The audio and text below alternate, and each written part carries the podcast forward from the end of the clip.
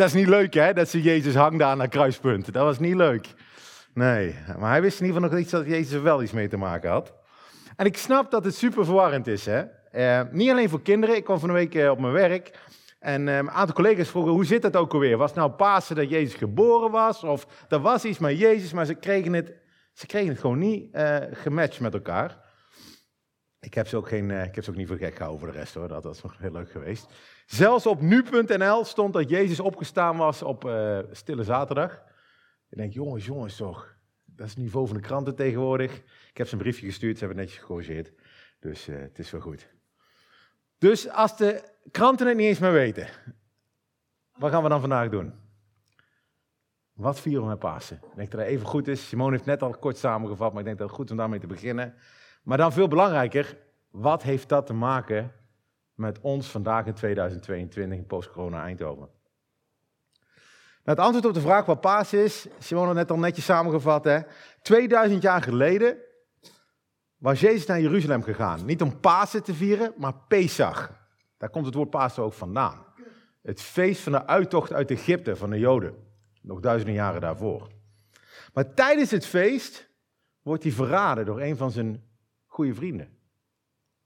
De vorige keer bij stilgestaan, twee keer geleden. Hij wordt overgeleverd aan de, aan de geestelijke leiders van die tijd en aan de Romeinen. En het voordeel van het overleven van de Romeinen was, de Romeinen kenden de doodstraf. Op uh, verschillende manieren, maar de verschrikkelijkste was aan een kruis. Jezus wordt ter dood veroordeeld. Hij moet langs die weg op Golgotha. Hè, de vier Dolorosa zongen we net. De Lijdensweg, Dolorosa betekent lijden. Is Jezus gewandeld. Hij wordt genageld aan een kruis. Misschien wel nabij een druk kruispunt, zoals dat jongetje misschien dan toch wel een beetje gelijk had. Hè? Want die executies vonden wel plaats in het openbaar, kon iedereen lekker kijken. En hij sterft op een kruis, op vrijdag. Goede Vrijdag. Gisteren stelde iemand nog de vraag aan mij, waarom is Goede Vrijdag goed? Ja, niet vanwege het sterven, maar wel vanwege Pasen.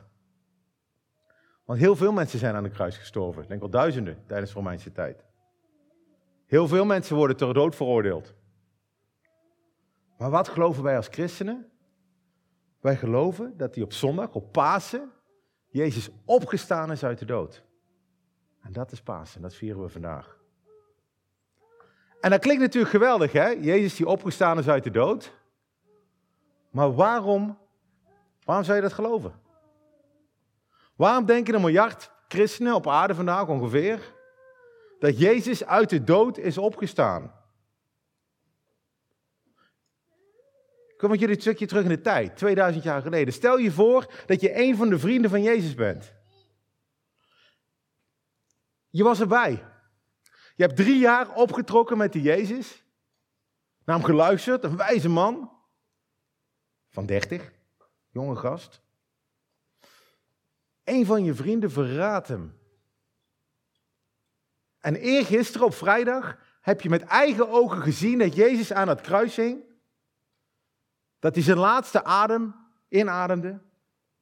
En dat de soldaat nog even met een prikker dwars door zijn hart gestoken heeft. Je hebt gezien dat hij dood was. Gemarteld, gestorven aan een kruis. Het is nu zondag. En vanochtend kwamen een aantal vrouwen 2000 jaar geleden, vrouwen, komen je vertellen dat het graf leeg is. Dat de steen weggerold is. Wat moet je daarmee?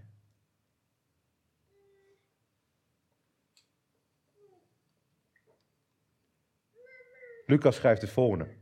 Toen ze over deze dingen spraken, de vrienden, stond opeens Jezus zelf in hun midden. En zei tegen hen, vrede zij u. En ze werden angstig, zeer bevreesd en ze dachten dat ze een geest zagen.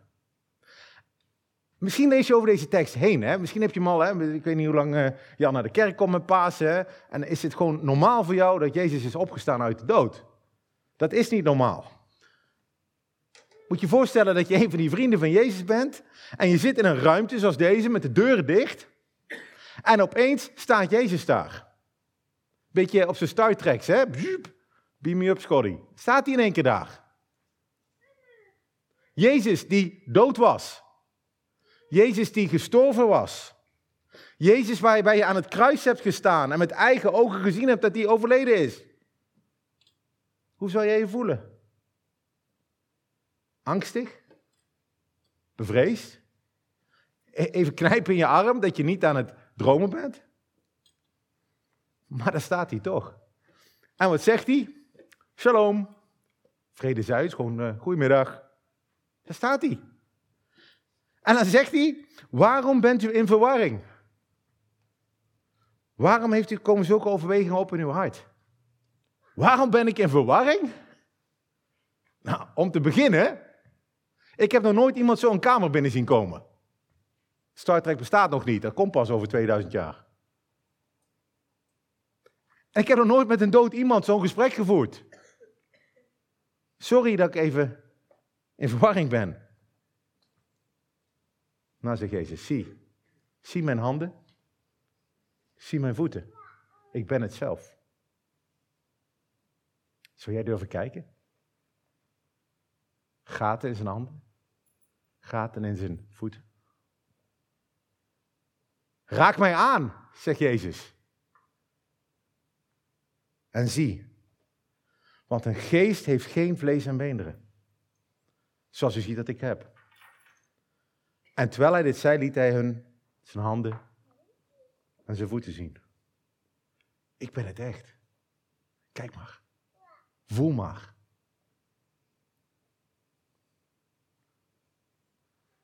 Misschien ben je blij dat je Jezus weer ziet. Dat had je niet verwacht.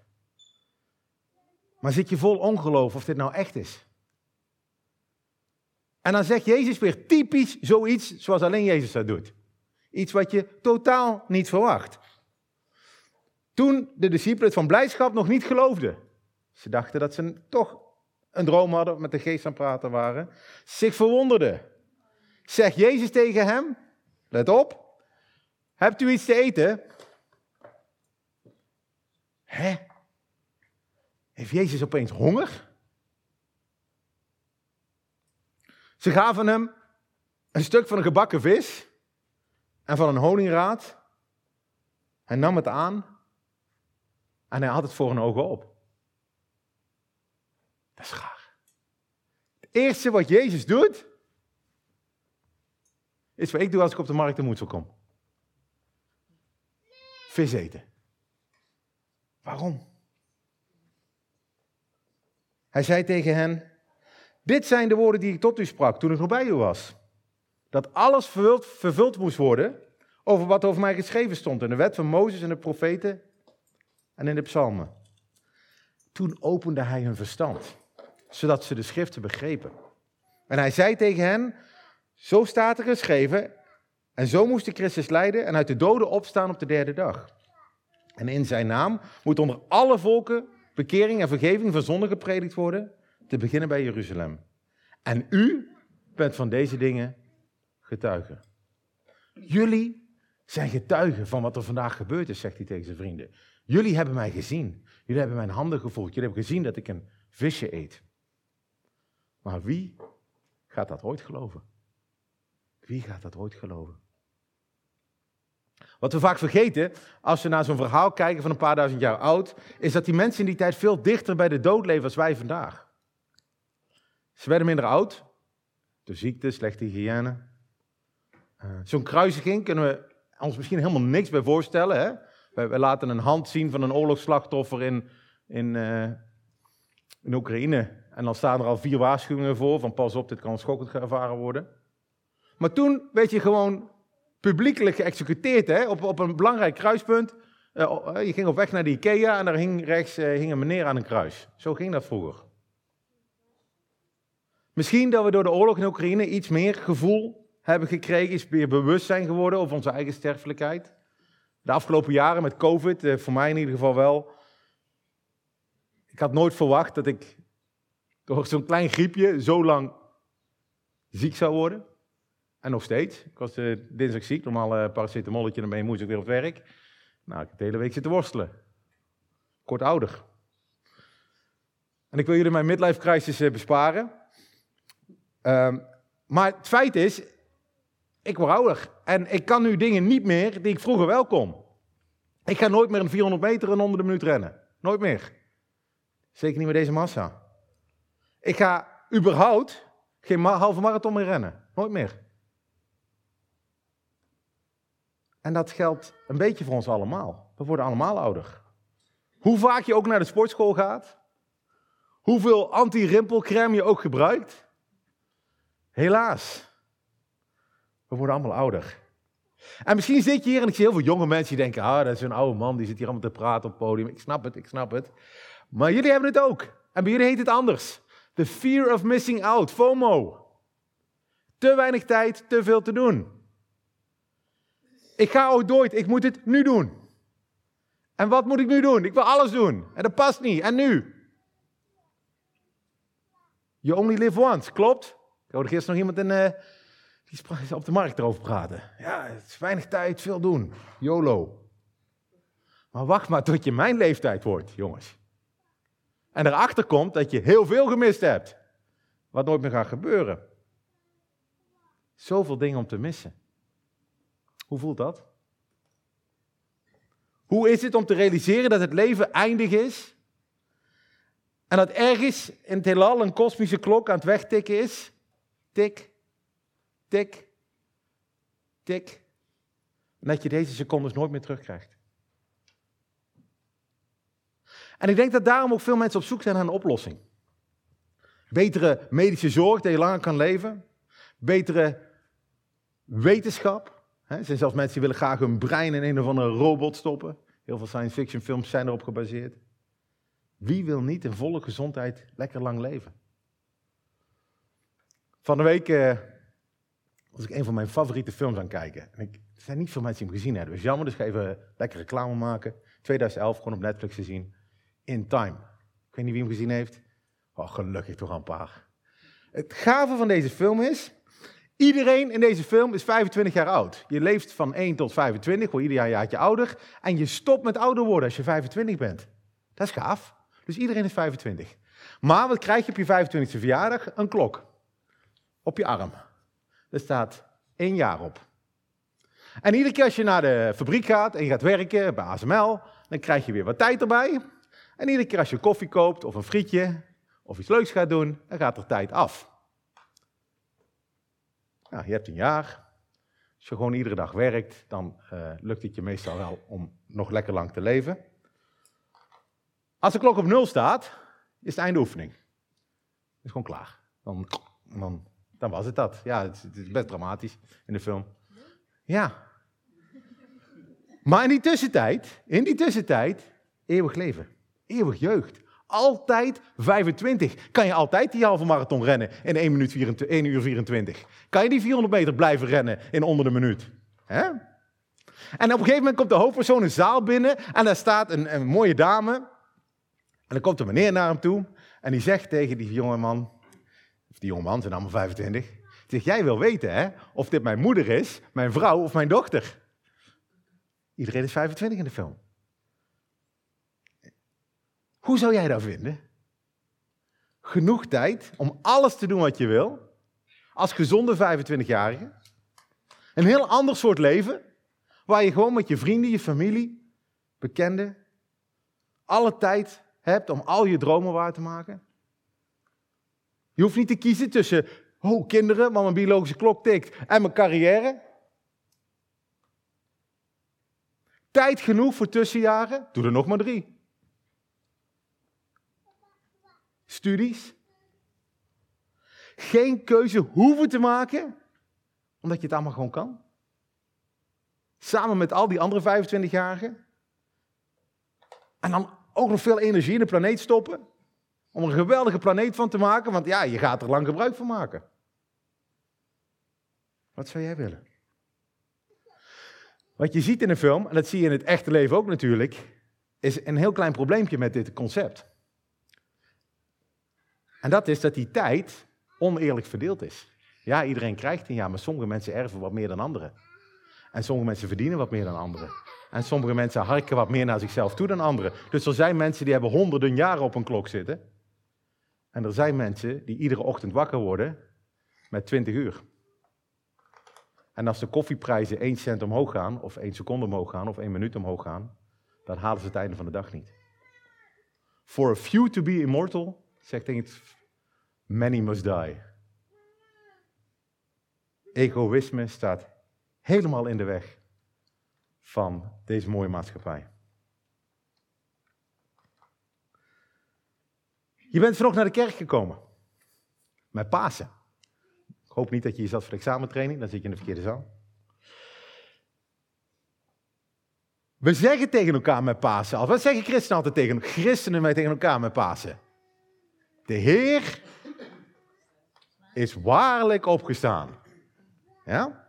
Jezus is opgestaan uit de dood, dat vieren we. En misschien zit je hier en denk je, ja, ik weet het nog niet. Misschien ben je verwacht, net als die discipelen van toen. Misschien hebben ze wel een geest gezien. Hebben ze gehallucineerd? Wilden ze dit heel graag? Hoe weet je nou dat het echt is? Er zijn zoveel verhalen, hè? En ja, Maarten, je kan het verhaal wel mooi vertellen alsof ik erbij zat, maar ik zat er niet bij. Ik heb Jezus niet in die ruimte zien komen. Ik heb niet mijn vinger in zijn hand mogen steken. Waar is het bewijs? Of misschien ben je helemaal niet verward. Zeg je, dat is leuk, Pasen. Lang weekend. Paaseitjes, chocolade, hazen. Fijn voor die christenen die daar geloven. Fijn dat die daar kracht en hoop en uitkrijgen. Mooi hoe die nagedachtenis aan Jezus ze op de been houdt. Je moet dit allemaal niet te letterlijk nemen. Dat kan namelijk niet. Opstaan uit de dood. Maar mooi dat ze dat vinden. Wat geloof jij echt van het paasverhaal? Wat geloof je echt? Als je bij die laatste categorie hoort, die zegt, oh wat een mooi verhaal, dan denk je dat die tekst die Lucas vanochtend schrijft, dat die speciaal voor ons geschreven is. Alsof 2000 jaar geleden Lucas al voorzag van, nou, voor mij gaan ze dit vergeestelijken. Voor mij willen ze het te figuurlijk oppakken. Want hier komt Jezus en hij zegt, jongens, dames en heren van de brug, beste mensen in Eindhoven, ik ben niet een geest. Dit is niet zomaar een, een mooi verhaaltje met een mooi einde en een mooie moraal. Een geest heeft geen beenderen en geen vlees. Raak mij maar aan, zegt Jezus. Hier, ik eet wat kibbeling. Met knoflooksaus. En dan zie je dat ik geen geest ben. En weet je wat de reactie was van die elf bange mensen die bij elkaar gekomen waren in het huis? Die veranderden op die dag in sterke, moedige mannen. Die hun leven gaven om één boodschap uit te dragen. Jezus Christus heeft de dood overwonnen. En ze gingen naar buiten. En ze gingen het iedereen vertellen. Jezus zegt tegen ze: In zijn naam moeten onder alle volken bekering en vergeving van zonde gepredikt worden. Te beginnen bij Jeruzalem. En wat doen die mannen? Die doen meteen dat. Ze vertellen het aan iedereen die het horen wil. En zelfs aan mensen die het niet horen willen. De kerk groeit met duizenden tegelijk. Zou dat niet gaaf zijn hier in Eindhoven? Met duizenden tegelijk? Daar is deze zaal te klein voor. Maar we zijn ook niet de enige kerk. En dan gaan we maar PSV-stadion afvuren. Er kunnen nog een paar duizend in. Honderden mensen hebben een ontmoeting. Honderden, 500 zegt Paulus ergens. Met de fysieke, opgestane Jezus. En die ontmoeting leidt tot veranderde levens. Bijvoorbeeld bij, bij een Paulus die bezig was met die christenen te vermoorden, omdat ze allemaal onzin over God aan praten waren, volgens hem. Hij stopte. Hij werd zelf een volgeling van Jezus, schreef de helft van het Nieuwe Testament. Jezus, uit de doden opgestaan op de derde dag. Vrijdag, zaterdag, zondag is drie. En hij staat op in een nieuw soort leven.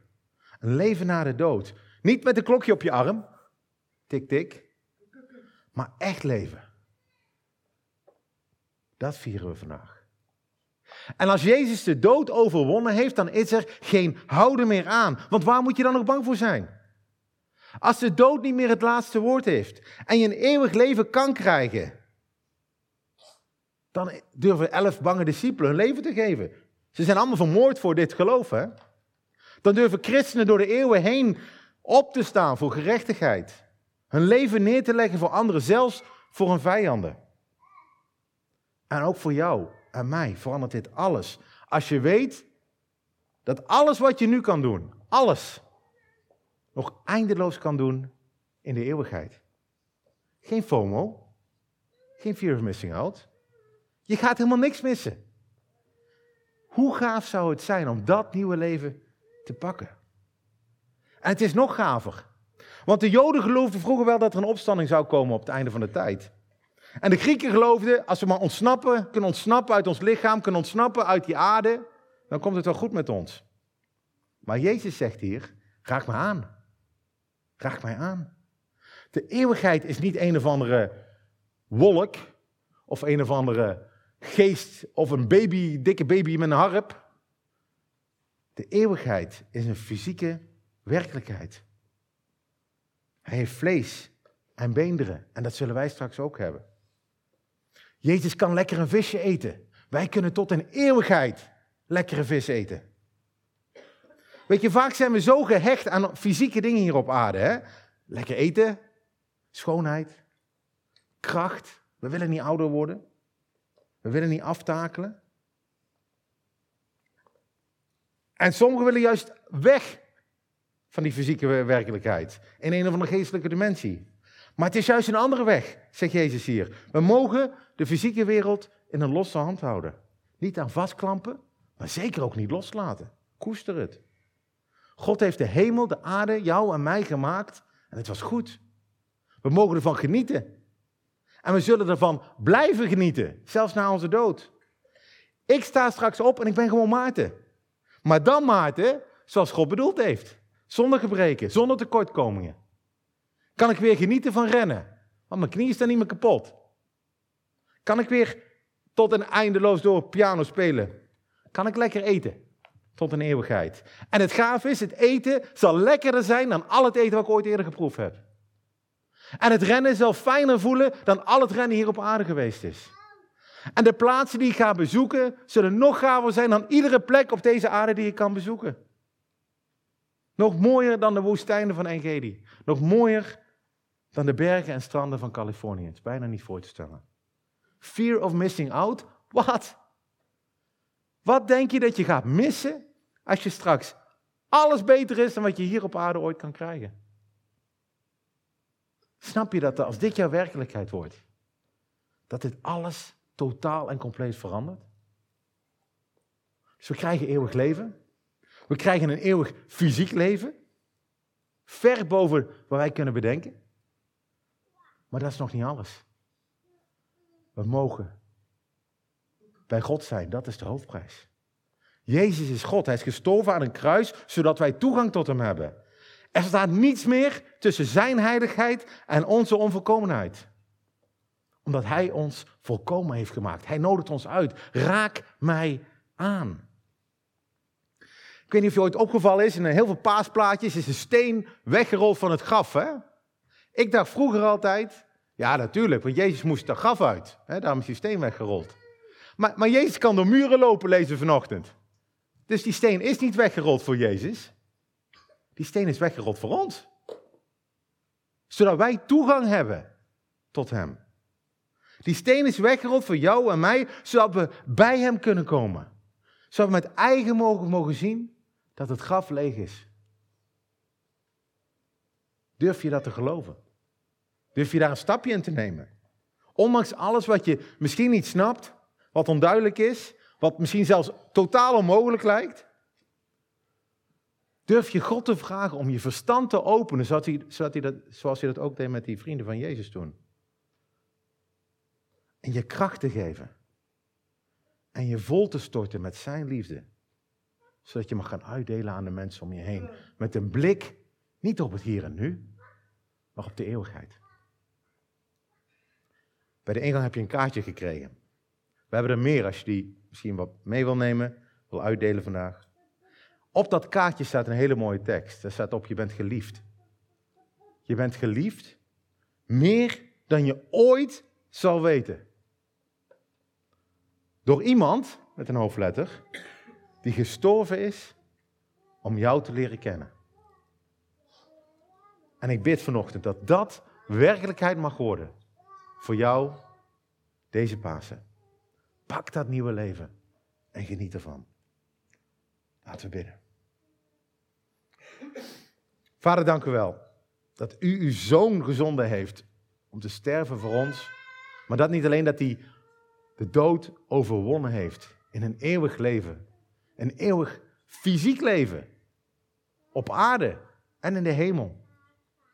Heer, we kunnen ons nauwelijks voorstellen hoe dat zal zijn. En we zijn soms zo bang dat we dingen gaan missen, of landen niet bezocht hebben, of eten niet gegeten hebben, of een festival niet mee hebben kunnen maken. Maar er staat toch zoveel voor ons te wachten, Heer. Heer, help ons om met die blik ook door het leven te lopen. Te genieten van al het moois dat u geeft. Maar het niet vast te proberen te houden in ons hand. Maar met een open hand het te ontvangen. Heer, help ons als we ouder worden. Als we tegen de grenzen van onze sterfelijkheid aanlopen. En bemoedig ons met die boodschap van vandaag. Dat u de dood overwonnen hebt. Amen.